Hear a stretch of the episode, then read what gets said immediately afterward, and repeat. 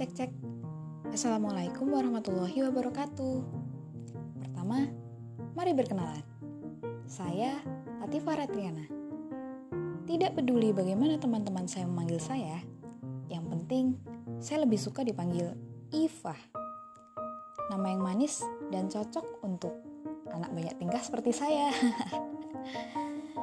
Intinya di podcast ini kamu akan mendengar banyak sekali cerita. Ditunggu ya. Wassalamualaikum warahmatullahi wabarakatuh.